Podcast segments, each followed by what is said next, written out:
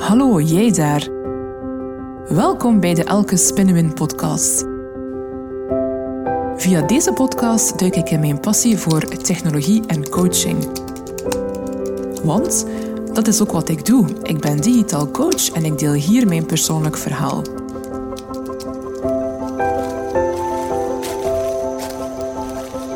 Als vervent wandelaar ben ik altijd op ontdekkingsreis. Ik ben dan ook 100% een creatieve generalist met een breed interesseveld gaande van persoonlijke groei tot technologie en organisatieontwikkeling. Ik ben Elke en ik ben super trots om een vrouw te zijn in de IT. Ik blaas een nieuwe wind en ik heb een unieke menselijke aanpak. Veel luisterplezier! Hallo luisteraars! Hier ben ik weer met de eerste podcast van het nieuwe jaar. Ik ben eigenlijk benieuwd hoe het met jullie is verlopen de afgelopen weken. Of dat je wat hebt kunnen genieten eh, van uh, het jaar, Of dat je wat verlof hebt kunnen nemen. Of dat je wat tot bij jezelf bent kunnen komen. Of net niet. Eh, misschien was het net voor jou een hele drukke periode. Moest je door omstandigheden toch verder werken? Of met kinderen thuis was het misschien druk. Ik moet eerlijk zeggen, ik had het echt wel nodig om te vertragen. Ik voelde mij voor kerst zo moe. Het was echt niet normaal. Ik weet niet, eh, ik herken het wel. Als ik met mensen spreek, blijken veel mensen toch wel moe te zijn. Dus ik had echt wel nood om tot rust te komen. En ik had gelukkig uh, vorige week eigenlijk nog een volledige week verlof. Waar dat we eigenlijk niet echt iets uh, heel bijzonders hebben gedaan. Maar ja, vooral thuis. Ik heb nog een aantal verhuisdozen uitgepakt. Ik heb er nog een drie te gaan, maar toch heel wat minder ondertussen. En dan verder ja, met, uh, met Liam een keer naar de schaatspiste geweest, uh, kleine dingen gedaan. Kerst en nieuw, met familie, gezellig thuis in een kleine, een kleine bijeenkomst. Dus um, ik had het echt wel nodig om, om tot rust te komen. Ik was kei moe. Ik was, uh, om eerlijk te zijn, ook een beetje overwerkt, denk ik. Dus um, ja, ik heb mezelf een keer geen verplichtingen opgelegd en gewoon ja, relax um, en niet uh, van alles willen doen. Dus um, ik heb ondertussen wel nagedacht van waar ga ik mijn eerste podcast van het nieuwe jaar over hebben. En we gaan er meteen in vliegen met uh, voor mij toch wel een topic die een heel grote rol in mijn leven heeft gespeeld. En uh, een topic dat nog altijd een grote rol in mijn leven speelt, als ik heel eerlijk ben.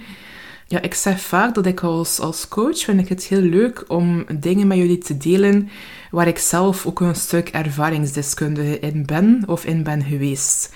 Waarom? Ik vind het heel leuk om um, onderwerpen die voor mij in mijn, uh, in mijn leven op bepaalde momenten toch echt wel voor serieuze hindernissen hebben gezorgd, om die vanuit mijn eigen ervaring, vanuit mijn eigen verhaal met jullie te delen, vanuit de doelstelling van dat het jullie hopelijk kan uh, inspireren. En waar gaan we het nu vandaag over hebben? Ik zal het hebben over people pleasen. Dus uh, ja, meteen een stevig topic om uh, als eerste podcast van 2022 mee te beginnen.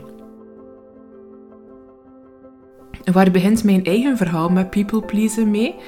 Ik heb daar echt over zitten nadenken van, was ik al een people pleaser als kind of is dat pas later geworden? Ja, in mijn studententijd en toen ik naar school ging, ik wou altijd wel zo het brave meisje of het voorbeeldige meisje in de klas zijn. Dus misschien um, heeft het daar al wel een stukje een oorsprong. Maar thuis, in mijn vrije tijd, ja, was ik helemaal niet zo voorbeeldig en was ik best soms wel ook een opstandige puber. Dus het kan zeker niet, denk ik, in een, in een thuisomgeving of zo geweest zijn. Het is vooral eigenlijk toen ik begon te werken dat er iets is veranderd. Ik weet eigenlijk niet hoe, waarom dat ik die gedachte in mijn, in mijn hoofd heb gepropt. Maar het was eigenlijk al meteen op mijn eerste job. Ik was toen programmeur in de IT. Um, en vanuit een soort hiërarchisch gevoel begon ik me eigenlijk een beetje als de onderdanige te gedragen op het werk. Ik dacht van, oei, um, ja, dat is hier mijn baas. Ik moet hier uh, het mijn baas naar zijn zin maken. Dus ik deed eigenlijk alles wat een andere van mij verwachtte. Mijn baas, collega's, klanten. Zelfs als ik er eigenlijk zelf niet mee akkoord was. Ik heb heel vaak gehad in mijn carrière dat iemand mij iets zei of iets vroeg en dat ik in mezelf eigenlijk dacht van ja, ik heb daar eigenlijk een andere mening over. Maar ik zei die mening niet. Ik luisterde naar de mening van de ander en ik dacht, ja, ik zal daar maar uh, mee akkoord gaan of vriendelijk zijn. En uh, dat zal wel de goede reactie zijn. Nogmaals, ik ben nog altijd op onderzoek van, van waar komt dat, waarom heb ik dat plots uh, gedaan. Zelfs op mijn werk, ik kreeg goede feedback van mijn baas over het werk dat ik deed. Maar dan nog, ik, ik wou altijd het ander, een ander naar zijn zin maken. Ik knikte dus ja op heel veel dingen, terwijl dat er in mijn hoofd uh, duidelijk uh, allerlei gedachten over en weer gingen, dat ik niet durfde delen. Het was zelfs zo erg, en uh, ja, ik weet niet of dat iemand anders dat herkent, maar ik had zelfs angst om ontslagen te worden wanneer dat ik mijn gedacht zou zeggen. Ik was bang dat ik mijn werk zou verliezen en ik vond dat zo erg Terwijl dat ik nu wel, als ik daar zoveel jaar later naar terugkijk, denk ik elke, allee, met jouw capaciteiten ga je toch altijd wel ergens werk gevonden hebben. Wat maakt dat je zo bang was om je werk te verliezen? En wat maakt dat dat dan ook een trigger was? Dat je dan allee, zo aan dat, aan dat people-please gedrag uh, ging gaan doen. Ik weet ook niet van, is dat een soort van iets uit de prehistorie of zo? Dat ik mijn baas echt zag als een meerdere, waarvoor dat ik enkel moest doen wat dat er mij gevraagd werd.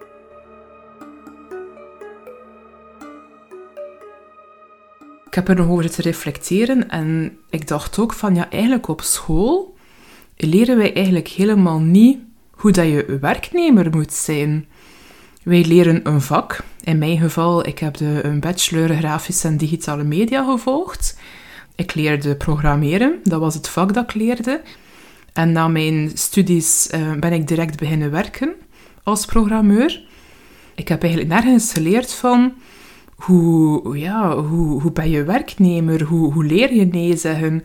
Um, je hoeft niet iedereen naar zijn zin te maken. Ja, ik had dat eigenlijk helemaal niet door.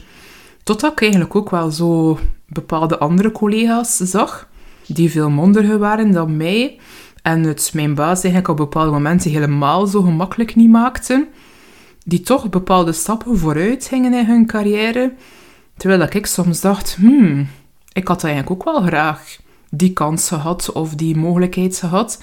Ik heb ook wel stappen vooruit gezet, maar soms er waren zo'n momenten dat ik zo dingen zag gebeuren in mijn omgeving op het werk dat ik dacht, hmm, die zijn niet zo vriendelijk en die krijgen ook bepaalde fijne kansen. En uh, ik heb zelfs tot twee keer toe in mijn carrière de feedback gekregen op twee verschillende werkplekken dus dat zegt genoeg, denk ik, als het al twee verschillende mensen zijn die het zeggen. Letterlijk van elke, je bent te vriendelijk.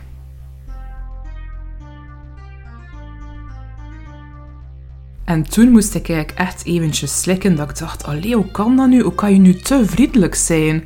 Dat is toch een goede eigenschap, vriendelijk zijn?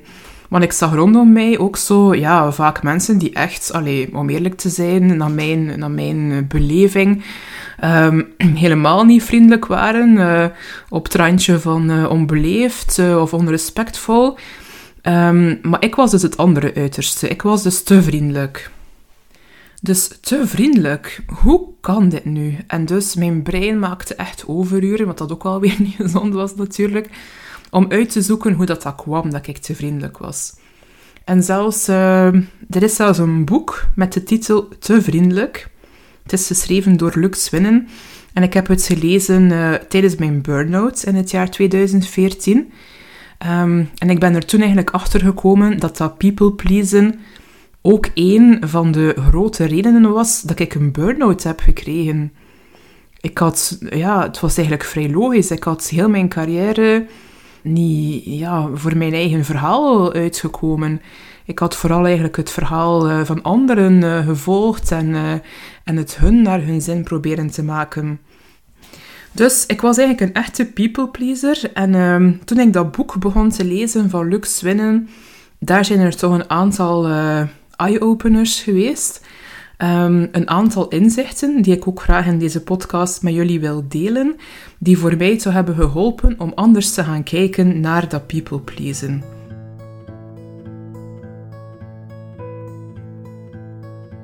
Misschien eh, voordat we daarin duiken, ja, wat was voor mij eigenlijk de oorzaak van dat people pleasen? Ik had eigenlijk een veel te laag zelfbeeld. En dat was eigenlijk iets als ik erover nadenk, die toch al teruggaat tot in mijn eh, tienerjaren. Ik wou dat anderen mij leuk vonden. En ik dacht dat ze mij leuk gingen vinden als ik alles ging doen wat ze mij vroegen. En uh, dat ik niet tegen hun, hun ingaan als ze ergens een ander idee over hadden. Ik was ook heel, heel bang voor conflicten. Echt extreem bang. Ja, ik vermeed liever het conflict. Dus ik zei maar niets als ik ergens iets anders over dacht of over voelde. En ik zei eigenlijk heel vaak ja op vragen, terwijl dat ik nee bedoelde.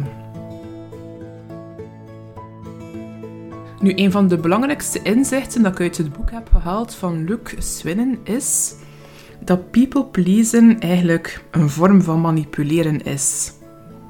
En ja, laat dat ik er goed tot u doordringen, want die zin eigenlijk betekent people pleasen is een vorm van manipuleren. Omdat je eigenlijk wilt dat andere mensen je leuk gaan vinden. En ik vond dat zo chockerend dat ik dacht van, allee, dat, dat, is helemaal niet wie dat ik wil zijn. Ik wil helemaal niet iemand zijn die anderen uh, manipuleert. Dus ik vond dat zo, zo, ja, eh, zo chockerend om dat te lezen. Als ik het dan omdraai, was het ook van, ja, people pleasen, dat is eigenlijk ook een vorm van liegen tegen mezelf. Ik wil het anderen wel, ik wil anderen wel dat ze mij leuk vinden, maar op die manier lieg ik eigenlijk tegen mezelf. Tegen mijn eigen mening. Ik, ik ben niet authentiek op die manier. Um, authenticiteit is net jouw eigen verhaal vertellen, is net jouw eigen mening zeggen. En net door jouw eigen inzichten te gaan delen met anderen, ja, dan dat net je authenticiteit. Ik vond het ook vreemd dat ik zo mijn eigen inzichten niet deelde, want op zich, ik weet nu zoveel jaren later dat ik best wel interessante inzichten had, dat er niks vreselijks ging gebeurd zijn als ik mijn inzichten toch zou gedeeld hebben. Uh, ja, hoogstens dat dat er kon gebeurd is dat er iemand over iets een andere mening ging had hebben. Maar net dan gingen we een interessant gesprek kunnen hebben met elkaar.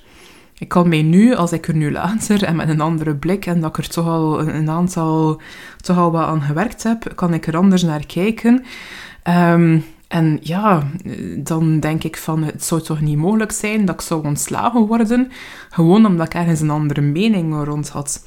Maar toen, ik zag dat helemaal niet. Ik zag dat echt helemaal niet.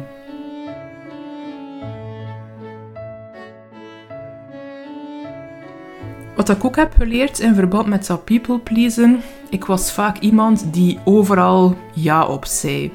En niet enkel op het werk, maar ook als mensen uh, mij vroegen om ergens mee naartoe te gaan of om iets te doen of uh, whatever. Eender welke vraag dat ik kreeg van iemand, zei ik altijd ja, ja.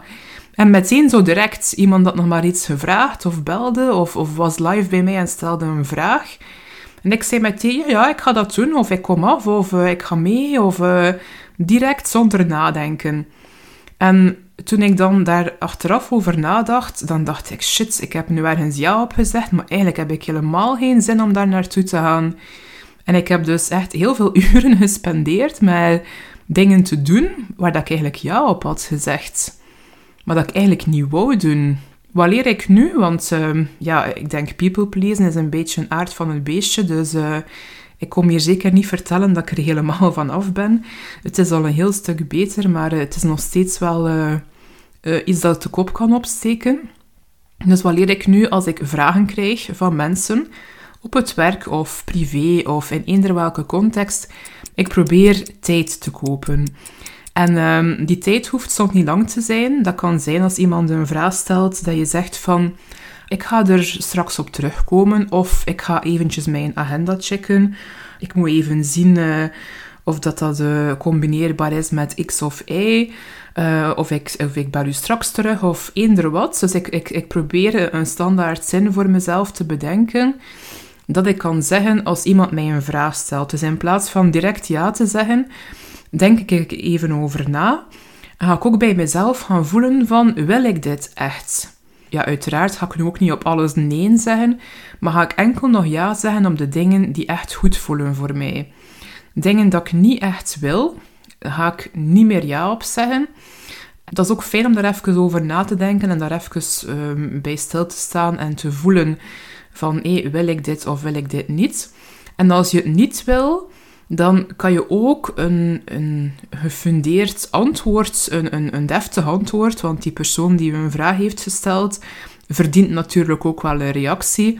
Ik vind het ook fijn als ik nee zeg. Um, ja, alhoewel, nu dat ik erover nadenk, ik ging vroeger altijd dan nog een, mij verantwoorden van nee, ik kan niet meegaan, want uh, ik moet nog... Uh, uh, dit doen of dat doen, of ik heb al dit staan in mijn agenda.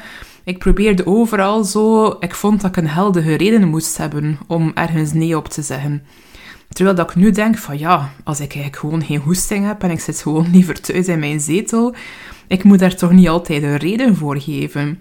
Dus afhankelijk van situatie tot situatie zal ik nu wel of niet een, uh, een reden aangeven. Ik leer ook soms om niet op alles een uh, reden aan te geven. Nog een ander inzicht dat mij heeft geholpen, en uh, dat is ook iets waar ik al een eerdere podcast heb over opgenomen, is dat ik ja, ook heel veel sorry zei. En sorry zeggen is ook een soort van, ja, van please gedrag. Dat je op alles dat je doet of zegt, dat je zegt van oei, sorry um, dat ik te laat ben. Of sorry um, dat ik dat nog niet gedaan heb. Dat is ook soms een beetje een stuk van, eh, van die anderen ook te willen, te willen pleasen.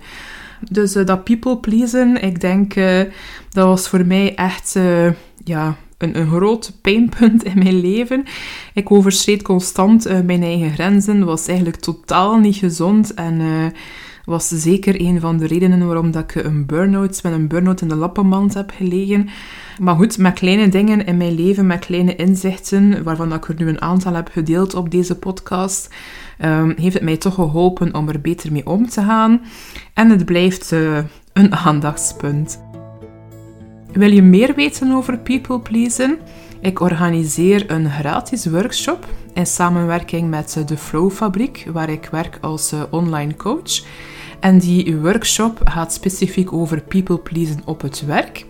En die gaat door op 22 eh, februari, dat is een uh, dinsdagavond, om 8 uur s avonds. Um, wil je er graag bij zijn, dan kan je inschrijven op de website van de Flow Fabriek www.deflowfabriek.be slash kalender. Als je een beetje naar beneden scrolt, dan ga je daar een uh, kadertje zien met mijn gezicht en een kort stukje tekst over de workshop. En een knop schrijf je in. Je moet je wel eventjes inschrijven, zodat je ook de link krijgt naar de online uh, Zoom-sessie. De workshop zelf duurt een uh, veertigtal minuten en dan duik ik graag met jullie in en people pleasen. Bedankt om te luisteren. Vond je het boeiend? Heb je iets bijgeleerd? Wat wil jij graag de volgende keer horen? Laat het mij dan weten via een berichtje op social media. Want daar doe ik het voor. Het doet me zo een deugd om te weten dat jij luistert. Volgende keer hebben we het misschien over persoonlijke ontwikkeling of IT. Wie weet. I go with the flow. Tot snel.